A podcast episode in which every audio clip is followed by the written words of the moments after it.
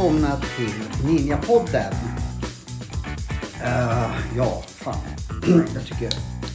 Jag kan bara säga att idag är det det 140 avsnittet. Jag tänkte ju, om jag hade varit lite clever så skulle jag kunna liksom inleda med någon ny hälsningsfras. Vi skiter i det tills vidare. Uh, idag är det ingen vanlig dag som man säger. Idag sitter jag med en vän, kollega, inspa, inspiratör. You name it. Som jag alltid har skrattat eh, åt. Det låter fult att säga. Skrattat med. Alltså långt innan jag träffade honom. Det var, var så, det var det jag ville säga. In, inte så. Jag ska inte svamla så in i helvete. Eh, Gert Fylking. Välkommen till Ninjapodden. Tackar. Vet du varför jag bjuder in dig? Uh, nej. Nej, men det kan jag tala om för dig. Okej. Eh, dels det stora. Eh, det är att du och jag ska göra en show. Åh helvete. Så... Ifall det börjar låta i den här podden. Jag har fått en blodtrycksmätare. Jag sa till min läkare jag ska träffa Gert Fylking. Jag är lite starstruck. Jag kanske får bånge. Och då vill de mäta mitt blodtryck. Så det är därför om det låter någonting i i att det, ja, du Ja, ja, kanske ja. eller så skiter du i det. Ja, Men, eh, det är lugnt Johan. ja, hur som helst.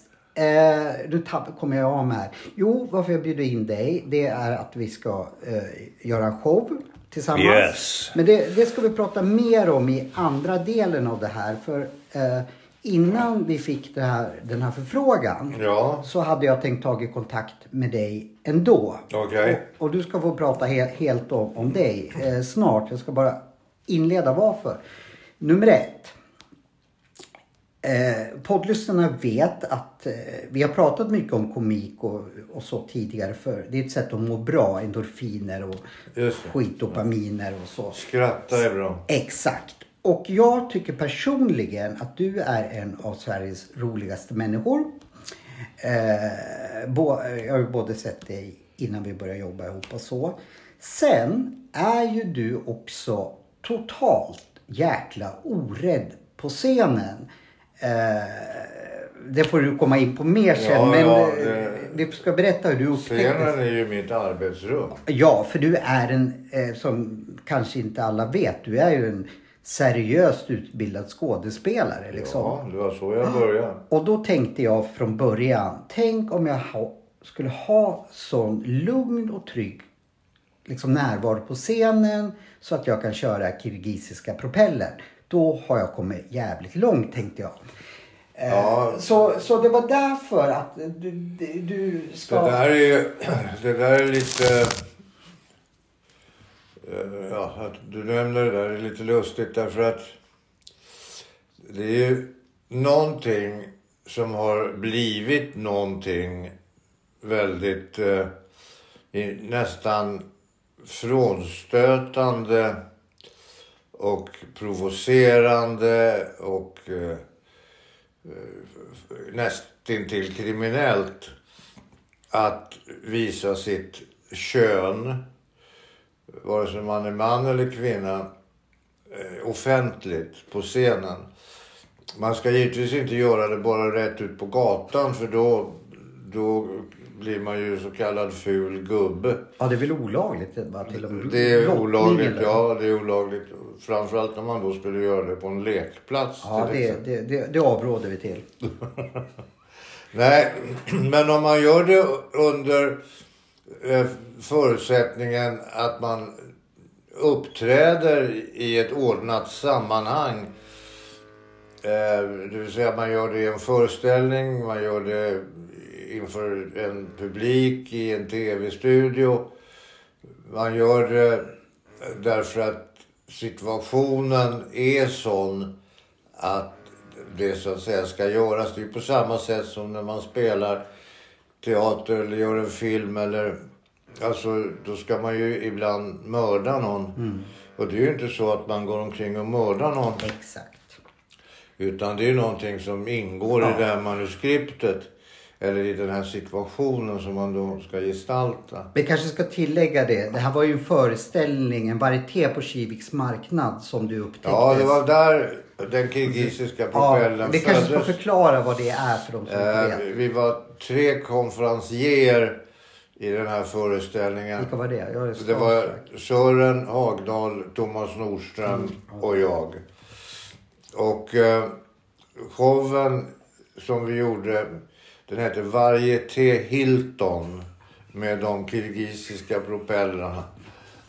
Och eh, i, i den här föreställningen då så, så utspelade sig en massa saker. En massa människor gjorde olika saker. Allt ifrån trolleri till sång och dans och allt vad det var. Där var det ett litet musikaliskt stycke i slutet utav den här föreställningen. Och, och vi sjöng, och, men så kom det musikaliska breaket. Och då släppte vi alla ner våra byxor. Och så ställde vi oss på ett ben och hoppa. Och då, i bästa fall, så snurrade snoppen. Eh, och då blev det den kirgisiska propellen. Detta ledde till att en god vän till mig, Hasse Hell, tyvärr numera avliden. Han ringde mig och sa jag jobbar åt Robert Aschberg. Sa han. Så, var han på plats och såg eller hade han hört det här på omvägar att ni gjorde det här eller? Nej men han hade sett här. han var nere i Kivik? Ja. Och eh, han tyckte det var roligt. Och de skulle då göra... Robban Aschberg hade precis börjat med sin eh, talkshow. Ikväll, Robert Aschberg. Eller ikväll hette den. Och då så skulle de ha prata om sex i programmet. Vilket är väldigt uppskattat. I alla program. Eh, åtminstone var det då. Idag är det ju livsfarligt att göra det. Men då i alla fall så skulle man prata om skillnaden mellan porr och erotik. Och då skulle det här lilla numret, den kirgisiska propellern, vara ett slags åskådningsmaterial eh, eh som man då skulle kunna ju använda som en, en, en en startpunkt. När man då, är det här porr eller är det erotik? Eh, Så att jag blev då tillfrågad att komma dit. Jag kom dit. eh, Det var ju direktsänt där. Och eh, jaha, varsågod, här är Gert Fylking. Tack så mycket. Och du ska göra det, ja, den kirgisiska propellen. Jaha, varsågod. Jag tog av mig byxorna, ställde mig på ett ben och hoppade.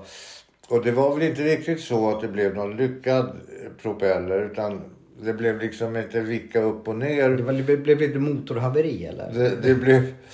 Eh, snoppen var inte riktigt redo för det här stora ögonblicket. Det kan man förstå. Det kan man kanske förstå.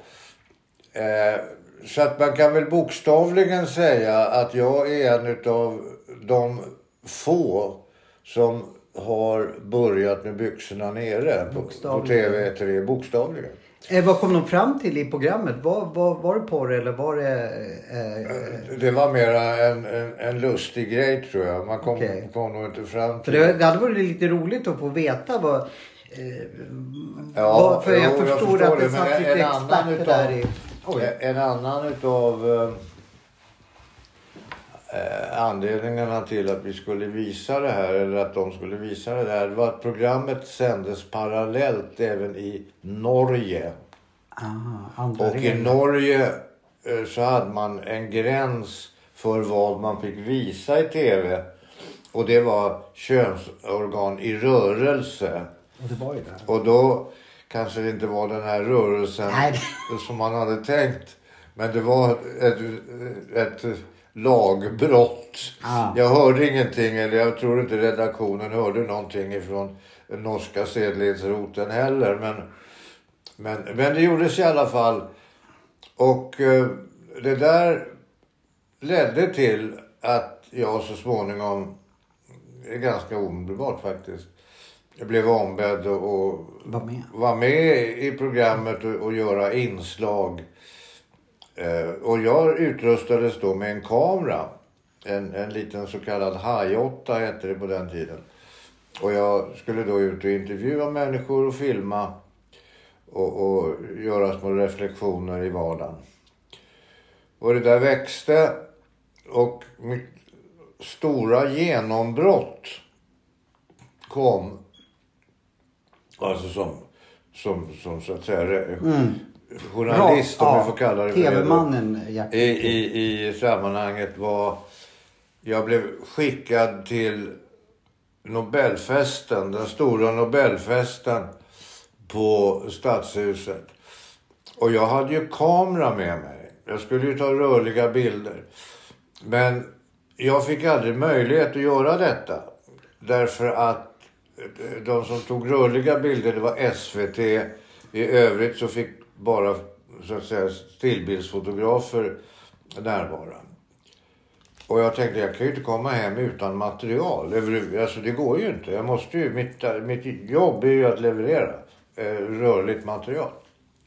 Så att med hela det här honnörsbordet som det kallas, det vill säga där kungen och, och nobelpristagarna och alla andra sitter. Eh, de gick ju. De lämnade eh, efter middagen och gick upp för den där magnifika trappan i stadshuset och så gick de till Gyllene salen tror jag den heter, som ligger intill där för att få koppla av och, och, och vara i fred och så vidare. Mm. Jag hängde på. Jag gick bara med. Mm. Det var ingen som stoppade Nej. mig, utan jag gick bara med. Och där får jag helt plötsligt syn på kungen, alltså hans majestät konungen. Så jag går fram till honom, han står med ryggen emot. Och, och jag frågar honom hur, hur var den här tillställningen då? Och då vänder han sig om och då har han precis tänt en cigarett. Och den här cigaretten, eh, han vill ju kanskera det där. Han vill inte visa att Nej. han röker. Så han tar, ska ta bort cigaretten ur munnen. Men den liksom fastnar. På, på läppen. Och, och, och, och det blir en liten lustig sekvens. Och, han säger, ja men det här var ju bra som vanligt, säger han eller någonting mm. sånt. Och, och egentligen inget mer. Och, och, jag tackar så mycket för detta. Och eh, sen låtsas han få syn på någonting en bit bort och då smyger han iväg tillsammans med sin bordsdam. Då hade jag mitt material. Det var ju varit ett skop ju. Då hade jag mitt material. Ja. Sen nästa dag så visades det där till allmän förnöjelse. Och det, det var ju alltså inkörsporten till den här eran som kom mm. sen för min, för min del. Det blev väldigt uppskattat det där faktiskt. Ja, det, det blev ju en enorm Och det, det, det där var... Eh, de som producerade det här ikväll, det mm. var ju mm. Strix Television. Eh, och vi som kanske kommer ihåg, eller om det är så fortfarande, jag vet inte, Strix har gjort någonting. Så efter det så släpper de ju en sten. Mm, Strix, Strixstenen. Strixstenen, ja. Och vad man gjorde där precis före man släppte stenen så hade man klippt in kungen säger bra som vanligt och så bonk. eh, och det där blev det ju då ett eh, ett visst hallå kring. Att vi gjorde på det där viset. Och till och med eh, Jan Stenbeck som, som ägde, som ägde ja. alltihopa. Han var inte nöjd riktigt med det där. Han var inte det? Jag Nej, han var inte det. Eller åtminstone så påstod han för, för syns skull att han inte var det.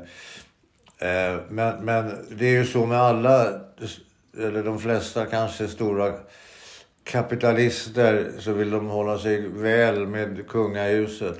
Ja, de var väl också eh, lekkamrater med syskon eller sådär. Det var, de var väl nära på Jo, men det var, det var ju så. De, det, det finns ju människor som man ingår i liksom cirklar. Mm. Eh, och, och allt ifrån uteliggare till kungligheter. Så man, man är fast i en cirkel, man är fast i ett beteende. Man är fast eh, i en gruppering. Ja. Om man har ögonen på sig. Alla har mm. ögonen på sig på det viset. Om vi hoppar lite tillbaka i, i ditt liv. Ja. Den, vad gjorde det? Hur kom det sig att du valde att bli skådespelare? Ja, jag vet inte.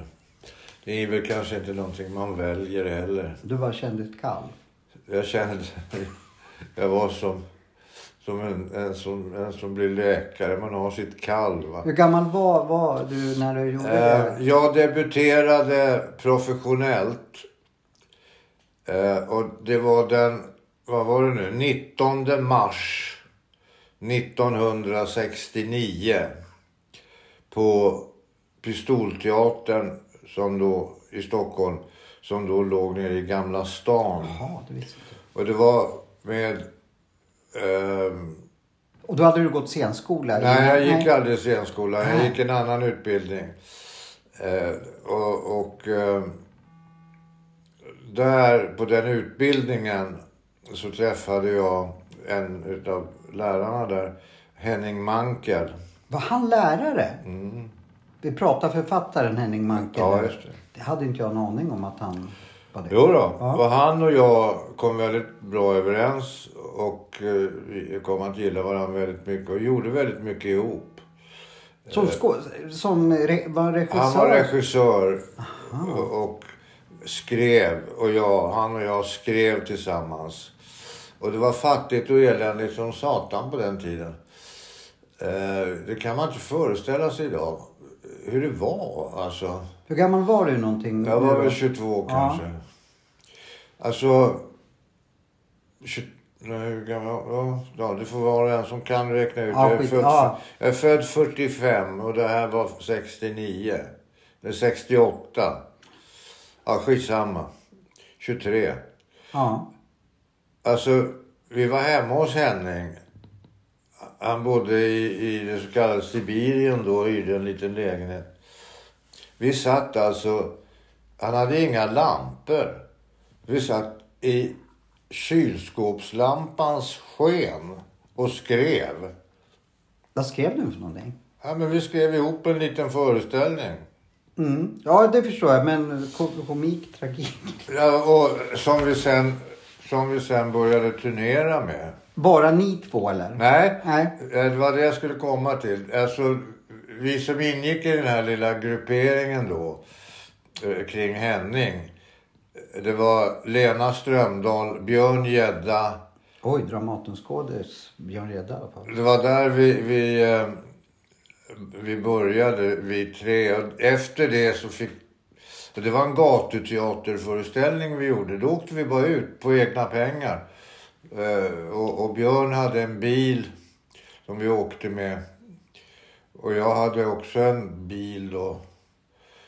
Eh, Och, och vi åkte liksom lite så- sådär Svealand runt kan man väl säga. Och spelade gatuteater. Vad är gatuteater? Man spelar på gatan Man alltså? spelar på gatan. Man säger hej, här är vi. Vi ska spela lite föreställning om en timme. Välkomna. Man gick runt i stan och, och, och ropade ut det här. Och eh, Björ- Björn Gädda, han spelade trombon. Han hade den med sig. Så han tut, tut, tut, tut, blåste i trombon. Och sen kom det lite folk till den här före, improviserade då föreställningen. Eller inte, föreställningen var lagd. Det var ju manus och allt och situationer och sånt. Men då spelade vi det och så gick vi runt med hatten helt enkelt. Och fick lite pengar. Ja, det var... Det var det, var så det började. Ja, för som producent, Det var- ja, producent det, hur fan finansierar man... Ja, jag förstår, ni har ingen större dekor. Men det, det är liksom allmänhetens välvilja för att ni ska få lön den dagen, eller? Ja, och deras välvilja består ju i, eller kommer ju utav att vi har underhållit dem. Och, och eh, så, så var väl den där lilla föreställningen i 20 minuter kanske. Stannar folk kvar i 20 minuter eller bara tittar de i fem Nej, minuter? de stannar kvar i Wow. 20 minuter. Eh, och det här var ju på sommaren, det var ju inte mitt i vintern utan det var ju på sommaren så det var ju varmt och skönt och vi åkte till sådana här ställen som av naturliga skäl har lite turister och, och sånt där va. Och så gick vi till torget och där hade vi då fått tillstånd eh, att vara på torget så att inte polisen skulle komma helt plötsligt och köra bort oss. Så att det var ordnade förhållanden. Efter det så fick vi ja, kontakt och kontrakt med eh, Riksteatern. Och då skulle vi göra den här föreställningen inom någonting som kallas för Föreningsteatern som var en liten avdelning under Riksteatern. Och då åkte vi runt och spelade den här för ABF. Mm. ABF Studieförbund va? studieförbund ja. Och de, eh, de, hade ett, de skulle använda den här föreställningen och den här pjäsen och det den handlade om som en slags ingress i sin studiecirkelverksamhet som handlade då om ökad jämlikhet. Så åkte vi runt med det och sen gick väl det bra och sen så eh, drog vi igång eh, det som sedermera blev Dalateatern. Och började då, därför varje, i princip varje län i, i Sverige har en, en teater som kallas för si och så länsteater. Så då bodde du i Dalarna? Det visste Ja, inte jag bodde ett år i Falun.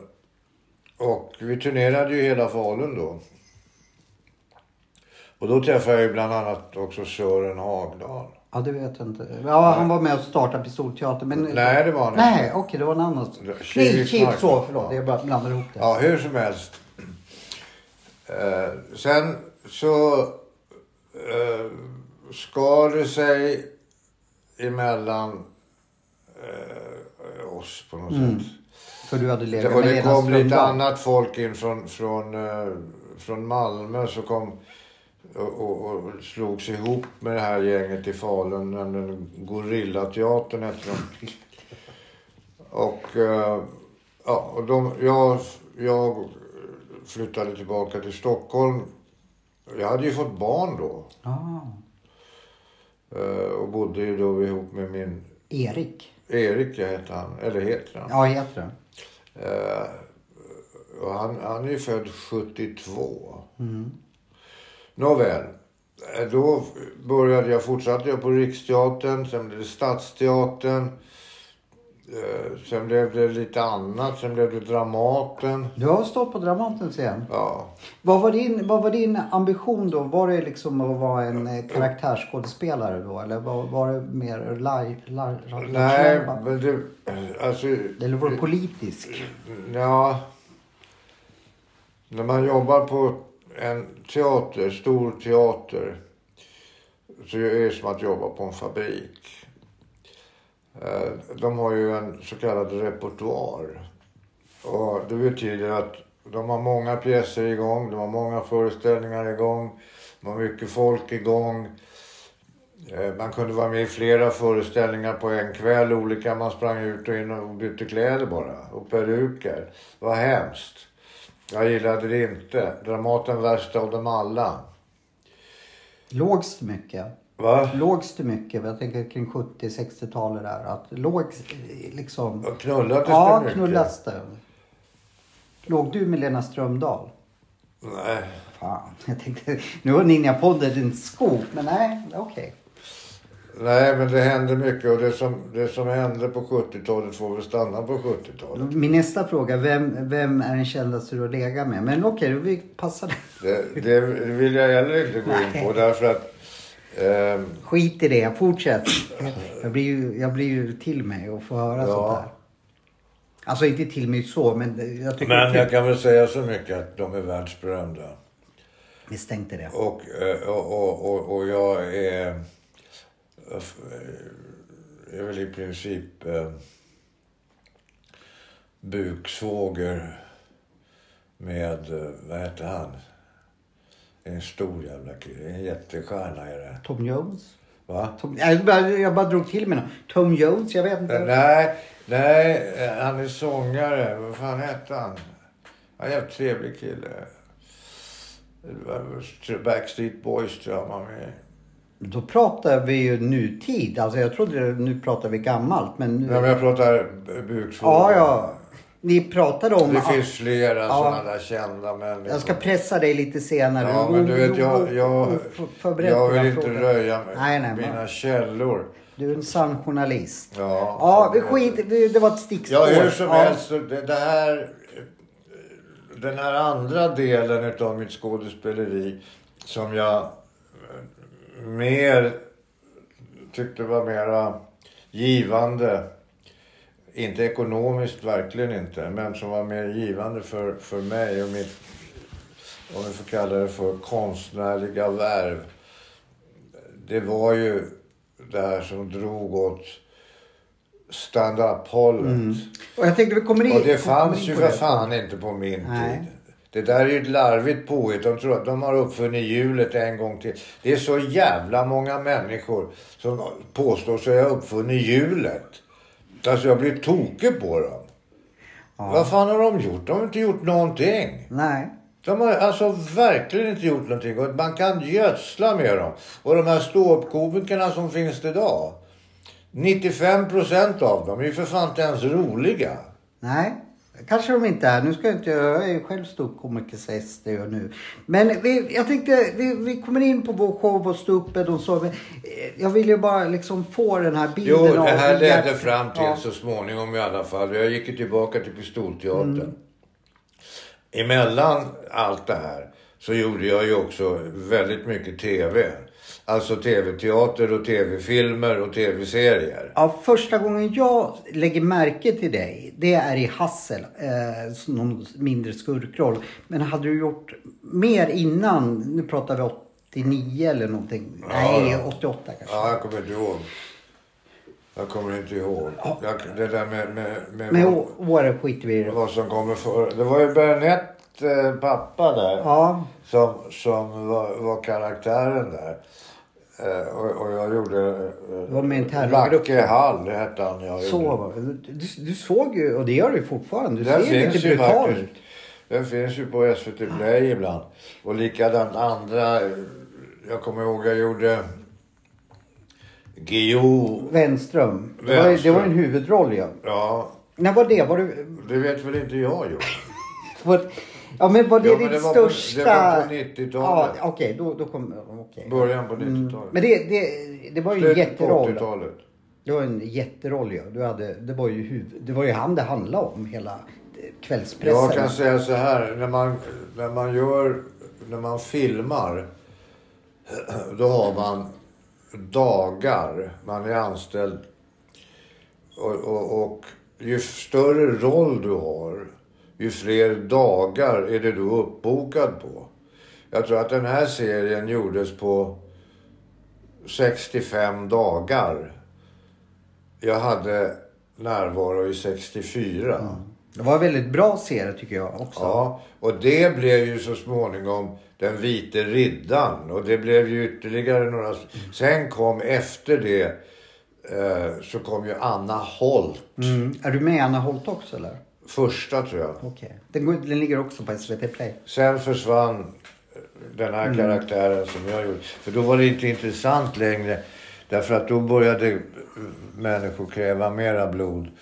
Och, och det skulle vara mera sex. Och det skulle vara mera... eh, Det, det, det måste, det kan ju inte vara... Men Per Wenström låg ganska mycket har jag för mig. Jag har för mig att han låg väldigt mycket.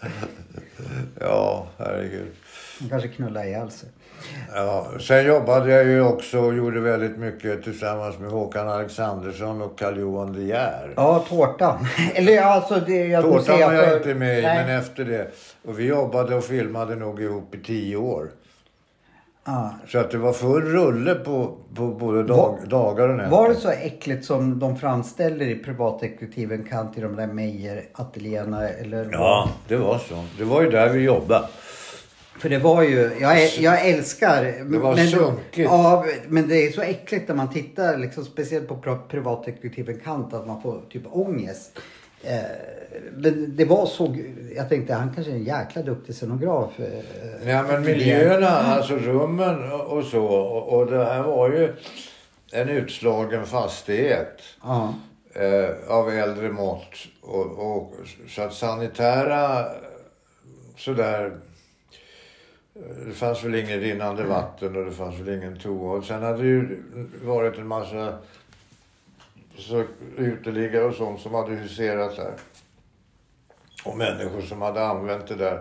Narkomaner och, och missbrukare. Så det var så på riktigt? Jag tänkte, vilken Ja. fantastisk eh, liksom, scenograf han är. Jo, men det är han. Ja, det är han ju också. Jo, det är ett i scenografin. Och, och sen så gäller det ju att fotografera av också. Och det där är väldigt många som inte har fattat. Att det du ser i sökan, det är det du får på bilden. Och sen ljussättning och sånt där. Karl Johan har jag ju jobbat mycket med även under senare tid kan man säga. Eh, och han är jävligt duktig alltså. Ja. Otroligt duktig kille. Jag var och såg en, en film här för ett tag sedan. Som vi gjorde. Där jag också hade huvudrollen för övrigt. Som Karl Johan gjorde. Som heter Lögn. Lögn. Lögn som är att ljuga. Och det är en kille som jag tror du skulle ha gillat. Han var alltså totalt befriad. Han var otrolig sexmissbrukare. Karl Johan? Nej, karaktären. jag tänkte jag också. Okej. Inte Karl Johan. Karaktären i filmen. Ja. Han, han pratade isär benen på varenda jävla kvinna. Varför kan man se den filmen nu alltså? Den kan man inte se. Helvete. Men, och den, jag tror inte att den finns som beställningsvara heller. Eh, men jag ska försöka att få en kopia på den filmen. på Det är jag väldigt sätt. tacksam för. Och det roliga med den filmen är att jag är ju då min egen ålder i den filmen. Min son Erik är med som tonåring. Och min son Felix är med som småbarn. Oj. Eh, så att det blev en ren familjeangelägenhet på det viset. Jag, jag kan inte... Och min dåvarande eh, fru, nej, ja, förhållandet, Anna-Lena Hemström. Också en skådespelare? Också mycket duktig Ja, mycket skådespelerska. Eh, hon är med och spelar min fru. Det blir ju återigen ett stickspår men jag kan inte låta bli. Hur jobbigt är det eller hur svårt är det att spela in nakenscener på film? För det, eftersom det är omtagningar och det är inte så säkert så sexigt Ja, som det ser alltså det, när man spelar in en film Och massa folk i, i Eh, när man spelar in en film så om vi nu skulle ha spelat in en film här, om den här lilla det här lilla Ja. pratet här skulle ingå i filmen. Då skulle man ju ha eh, tagit det dels på håll, filmat, ställt kameran bort i hörnet. Sen hade man tagit en bild, närbild på dig. Sen hade man tagit en närbild på mig. Sen hade man tagit en tätare bild på dig och mig. Sen hade man tagit kanske en bild på när jag lyfter kaffekoppen. Du en bild när du bara sitter och nickar som ett jävla fån. Alltså det, det blir, det är ju det som tar tid va. Ja. Och sen måste man ju hela tiden justera ljuset också. Så att eh, det, det funkar. Eh, Det är därför det tar så fruktansvärd tid att spela in film. Och när man spelar in en... Förr när man spelade in en, en långfilm. Ja, kunde man göra två minuter färdig film om dagen. Men, men det, det är det jag undrar. En intim scen som ser jättesexig ut på film. Det är ju då en massa väntan, en massa... Eh, hur, hur... Blir inte det väldigt jobbigt liksom? Och, ja. Det är inte jobbigare än att vänta på något annat i en film. Men, men... Äh, vänta, nu måste jag snyta Ja, mig. men snyt på. Förlåt. Ja, men det, i den här podden är allting... Ja, för den är förlåtande. Jo. Eh, jag, har, jag har ju bara hört att det är så känsligt. kärleksscener, intima kärleksscener. Eh, de kräver ju en, en viss form av respekt. För de är ju väldigt utlämnande på ett sätt. Eh, då, i de allra flesta fall, så de som då normalt sett alltid dräller kring kameran eller är i rummet. Alltifrån de som håller på med att koka kaffe och sånt. Till, till annat, snickare och sånt. Eller målare eller vad det nu kan vara. Som behövs för att man ska kunna göra en film. De blir ombedda att lämna. Så att kvar är fotograf. Eh, Kvar är... Och det där är ju också en lustig grej va. Regissör måste det vara. Ja, regissör naturligtvis. Det ska B-fotot finns det Vad fan någonting. är B-foto? B- B-fotot. Det är en underbar människa i regel. Som man ska hålla sig väldigt god vän med som skådespelare. Eh, liksom med alla andra också. Ljudet är naturligtvis kvar. Den som kör. Och de är två. Men då behöver bara den, den som sköter själva bandspelaren. Han eller hon behöver inte vara i rummet. Det kan gå en sladd. Men däremot den som håller den så kallade bommen.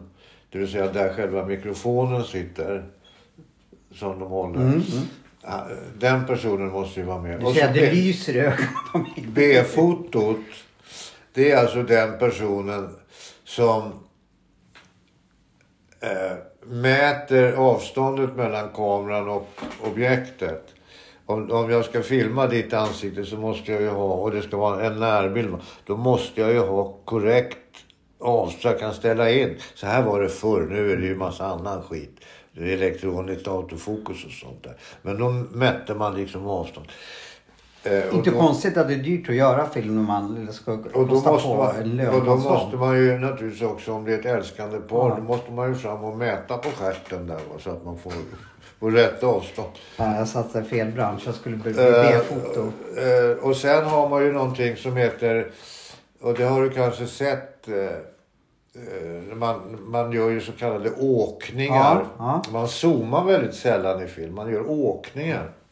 Och då, då gäller det att göra den förflyttningen. Då lägger man ut räls. Och sen så har man en så kallad dolly, som är en vagn. På vilken man har en, placerat då eh, fotograf och B-foto. Och sen puttar man de här fram och tillbaka. Mycket man inte vet om. Vilken, vilken eh, intim scen är du mest stolt över att ha gjort? Det svåraste, någon som sticker ut. Nej men det, det, går inte att... Alltså vilket är det högsta berg du hoppar ifrån? Aha, det går ja. inte. Nej, okej. Eh, jag kan ju sitta... Jag, rapport till himlen, du har gjort massor. Eh, du, du- ska, du ska ju vara med jättemycket i podden. Du kanske... Jag tycker, jag tycker personligen det här är så skit in, så jag skulle kunna sitta och grotta i det här. Men vi kanske ska ta någon form av paus så att, det, så att eh, vi får återkomma. Men det, det kan jag, måste jag ju få fråga. Vilken eh, rollprestation är du mest stolt över? Ah, det vet jag inte. Eh, den, jag, den jag såg senast på film. Det var Lögn, Carl Johan De Geers film. Men den gick ju att se ju sa du ju. Ja, jo, nej, den går inte att se nu. Nej, nej, men då- den visades ju då. Eh, det är nog... Alltså jag var, när jag gick för att se den, den visades på Filmhuset. Då tänkte jag, vad i helskotta alltså. Vad ska, ska jag sluta, tänkte jag. Men jag blev väldigt stolt och glad över min insats där. Vad kul. En annan, den kan man däremot se. Eh, det var en film eh, som Björn Skifs gjorde. Strul. Så, nej, eh, Nej! Joker var ju du med. Joker. Du klättrade i Globens tak. ja det var hemskt. Du gjorde, ni gjorde, det, var inget, det var inget i studio utan det var i Globens tak när ni gjorde den eller? Vi gjorde film Johan. Jo men jag vet inte, jag har inte gjort spelfilm, jag har fan ingen aning. Jag trodde att man sin Verkligheten och filmens underbara värld, de möts ibland. Men oftast i en studio. Det var studio alltså? Ja men jag vet Nej, det var, det var studio, det var i, i, i, inne i Globen, det var aldrig uppe på, själva Globens tak. Jag är ledsen att behöva avslöja detta. Men det är bara... Det är ju underbart Johan.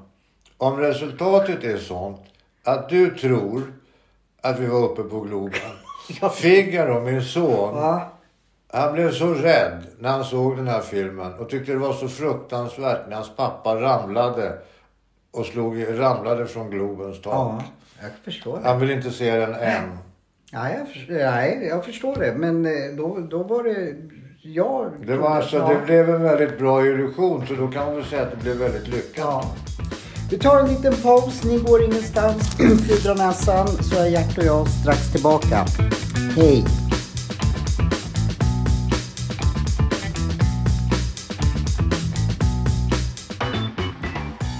Då var Gert och jag tillbaka ifrån Gerts fina köksstudio. Du Gert, Ja.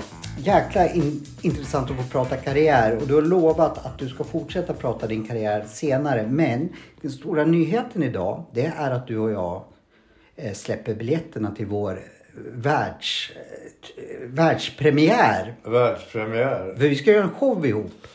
Ja, det ska bli väldigt roligt och väldigt spännande. Som du är regissör och eh, producent till. Men, men vänta ett tag nu. Jag är medverkande och jag ska försöka hjälpa till på de kanter och håll jag kan. Eh, allt som har med papper och allt som har med data och allt som har med saker och ting att göra. Det överlämnar jag med varm hand till dig Johan. Jag är ju i normala fall producent men jag ska ju stå på scen och stand-uppa. Så vi kanske måste eftersöka en jäkligt snygg, tycker jag, producent som kan eh, sälja oss. Ja, du menar en kvinna alltså? Eller man? Jag har inga fördomar. Nej, inte jag heller. Vi kallar den hen tills vidare. Eh, och vi har premiär eh, i sista helgen, i, sista lördagen i januari. På Sjöbacken i Ockelbo. Ja, och prins Daniel har lovat att komma. Det har han. Det blir röda mattan och stora saker där. Ja, det ska bli väldigt spännande.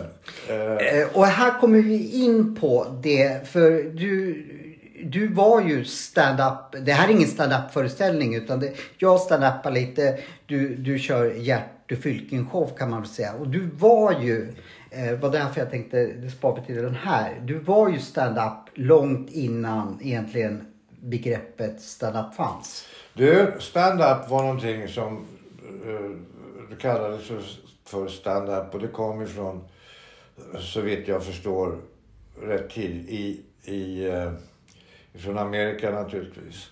Och där hade man ju skrivna eh, monologer och stora artister som, som Dean Martin till exempel. Fantastisk skådespelare, sångare, estradör. Gjorde, han hade ju en egen show som gick också i, i tv. I England gjorde man ju det här.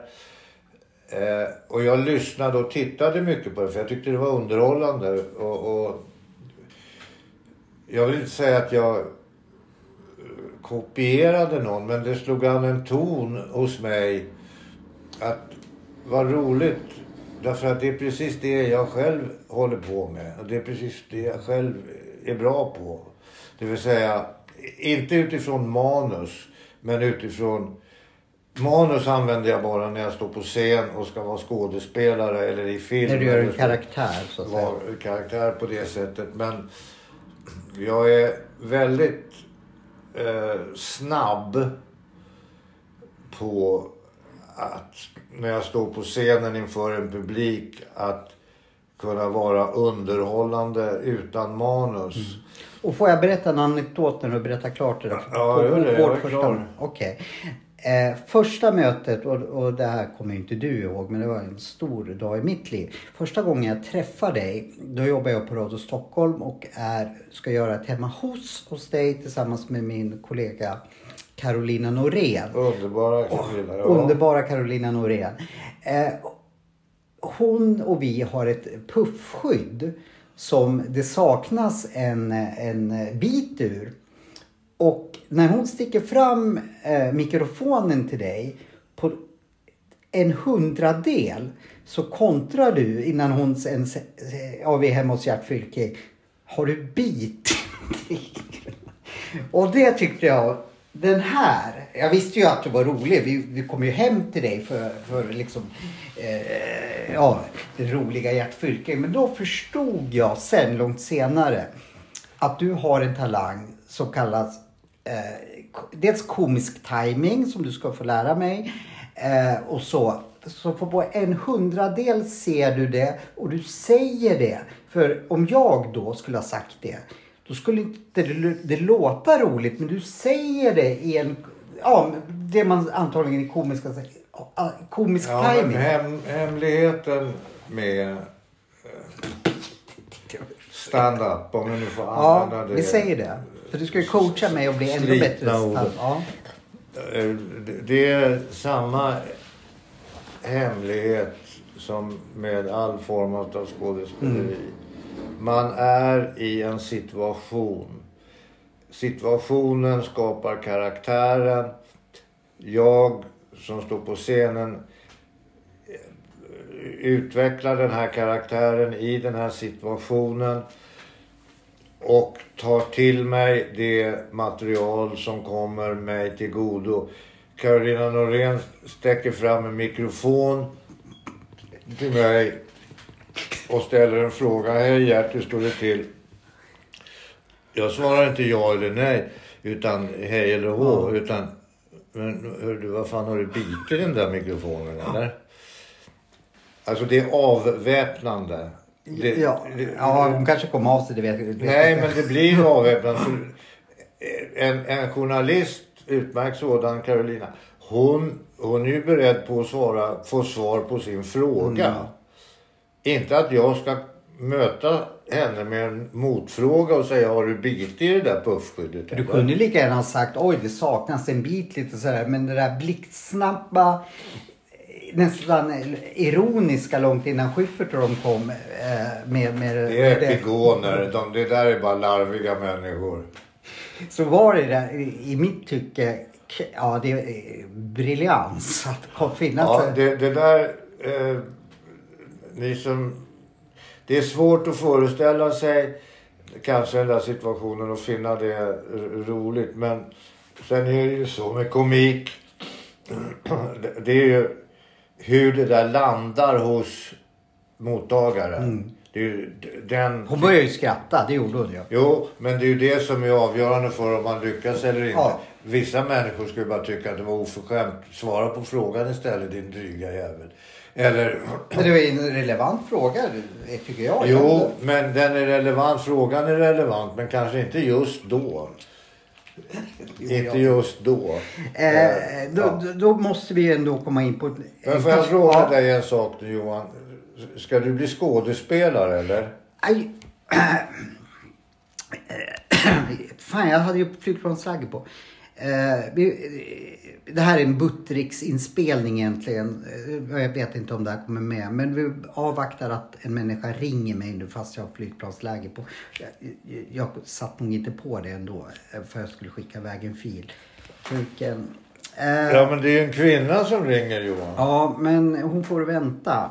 Eh, Va? Ja, men det är inte så man behandlar Nej, kvinnor. vet. det. Vi, vi kan göra eh, Gert Fylkings raggskola sen så att Johan får ligga någon gång. Eh, sluta. Nej, du. eh, Bladdra inte bort det här nu. Nu frågar jag dig. Ja. Vänta, vi låter henne bara ringa. Ja, så men att- låt henne ringa klart. Hon verkar angelägen. Nej, men skit i det där nu. Hon lägger väl på snart. Hon fattar väl att du inte svarar. Så. Så, jag ska bara kolla så att det snurrar nu. Ja, det gör det. Eh, ja, du de frågade mig. Börjar jag hosta också? Ja. Har du ambitionen att bli skådespelare? Min ambition, och den tänker jag bolla med dig. Jag tror, nej jag har inte am- ambition att, att bli skådespelare som dig. Men jag tror att min stand-up karriär skulle eh, bli bättre om jag kunde skådespelartekniker. Tänker jag rätt då? Ja, inte bara din stand-up utan hela ditt liv. skulle bli bättre. Hela ditt liv. Ja, men då, då, Skulle har jag, då har jag ambition. Och, för jag måste ta det seriöst då i sådana fall. Jag kan inte liksom... Precis som alltså, vilket jag, trend. jag för mig är det här, de här människorna idag som håller på med stand-up, vissa är framgångsrika och roliga. Vissa, jag kan tyvärr inte Nej, det behöver vi inte. alla namnen. Men, men det finns de som faktiskt är helt underhållande och roliga. Jag tror det är en, en sån Johan Rheborg som också kan skådespela har en fördel med det mot en som, ja, men, som inte kan skådespela. Mycket möjligt. Men det gör inte en, en stand-up eh, artist till skådespelare. Och det gör inte en skådespelare till stand-up Nej, artist heller. det, det, är ju, det är ju ett konstverk i sig. Men jag, må, jag måste få fråga det här innan jag glömmer det. En av dina mest legendariska saker som jag, eh, jag vill återknyta till där och bita i, i puffskyddet. Det är när du säger äntligen på eh, Sven, Svenska Akademins... Var det skrivet eller var det den här, fan, Eh, det där, det där är... eh, det där är en stundens ingivelse. ja det var din, din ingivelse. Men för att göra hela historien rättvisa så... Jag hade gjort det där tidigare innan det uppmärksammades som det nu kommer att uppmärksammas när jag gjorde det i radio. Eh, på, på TV 3-tiden när jag jobbade åt Robert Aschberg. Och då var det denna oförglömliga, detta geni Hasse Hell. Ja, men du får gå dit Gert. Och så skickar man dit mig med en kamera. Ja, vad fan ska jag göra? Jag fattar inte vad jag ska göra. Du ska bara säga äntligen. Så det var faktiskt inte ditt pojk från början alltså? Så att när jag går dit från och, och ska göra det här då i, i, i radion. Eh, då, då har jag en möjlighet. En möjlighet, en chans att göra det här.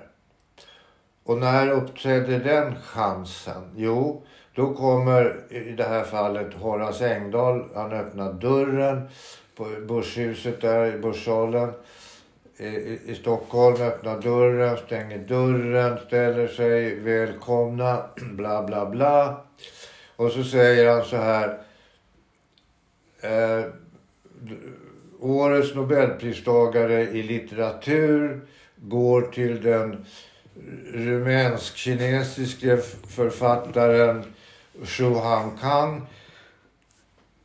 Där tar han in andan för att fortsätta. Där måste äntligen sitta. Det finns ingen annanstans. Det finns inte. Du har ingen annan chans. Du måste ta det på första tagning. Jag måste ta det och det är exakt innan han... När han har sagt namnet och han ska... Efter det så tar han in andan och så ska han komma med sin ytterligare förklaring varför. Då måste den sitta. Timingen.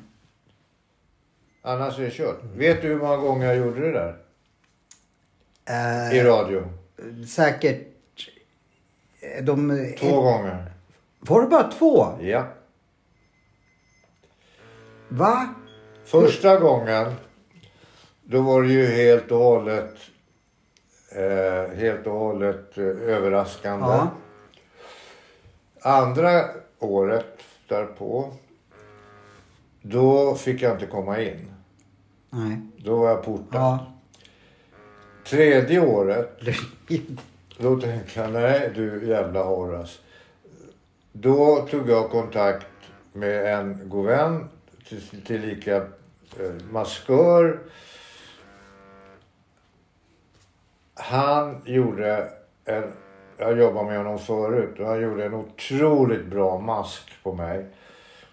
Och det är en sån mask, vi kallar det för mask, men det är inte som i Masked Singer inte. Utan det här är en, en, en makeup-artist som har gjort att mitt ansikte omgjort lite, men tillräckligt mycket för att eh, man inte ska omedelbart känna igen mig.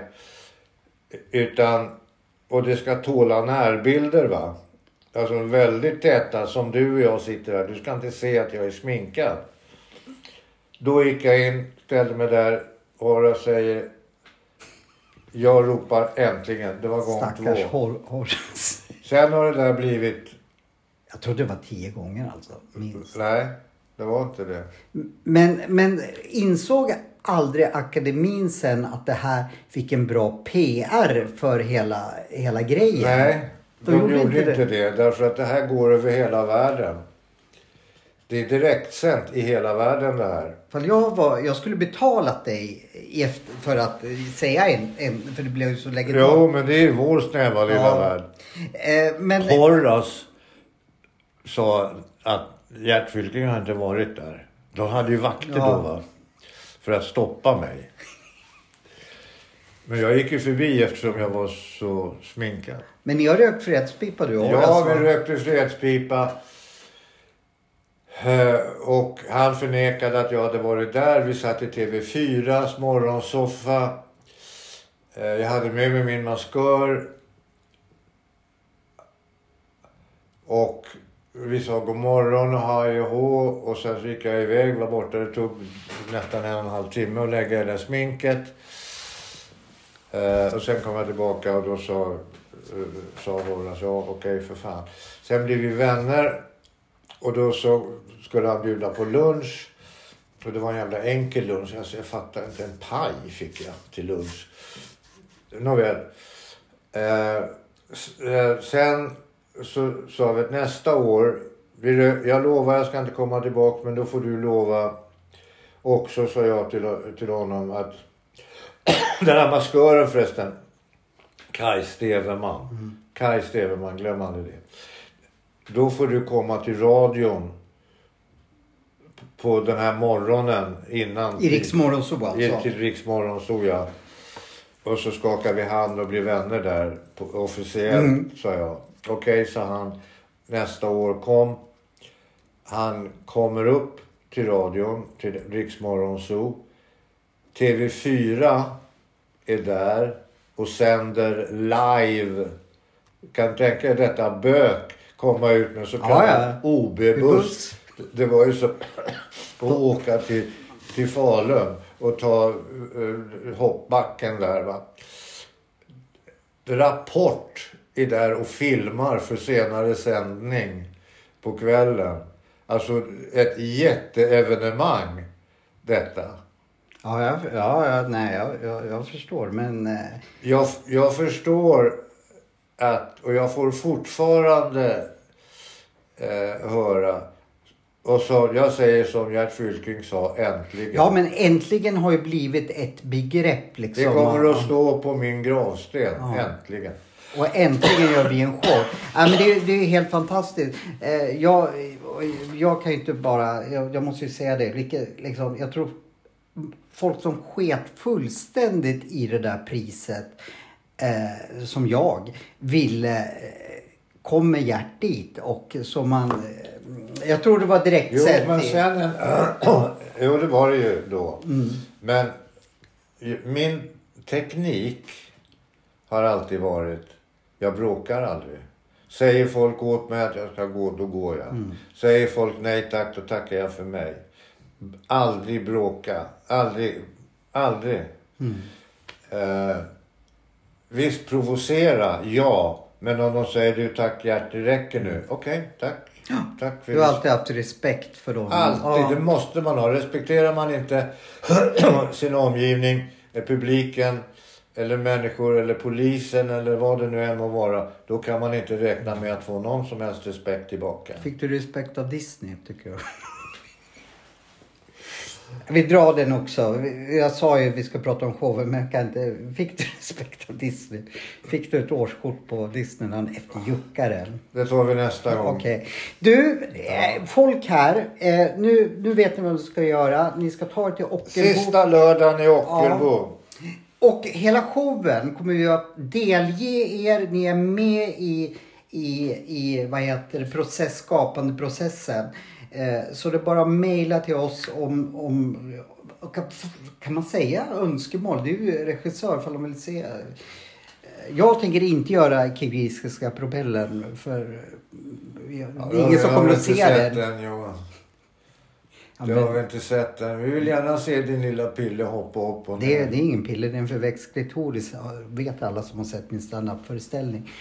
Eh, så... Du, eh, vi gör så här. Vi har inte mycket mer Nej, att säga. nej, och du Mer väntar än finbesök. Sista helgen i januari Ja. så kommer vi att vara på... Sjöbacken. Och jag har varit där en gång tidigare.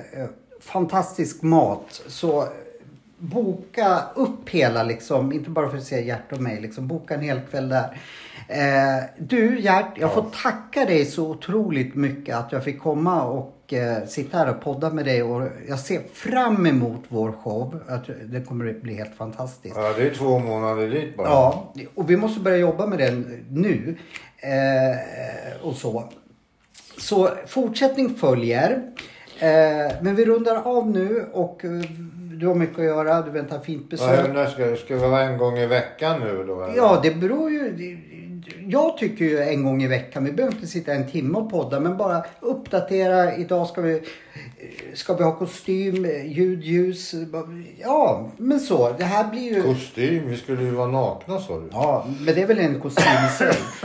Eh, Ansa Adams könshåren eller vad fan man måste eh, för att man ska se någonting. Eh, men du, Ja. eh, nu vet ju folk vad de ska göra.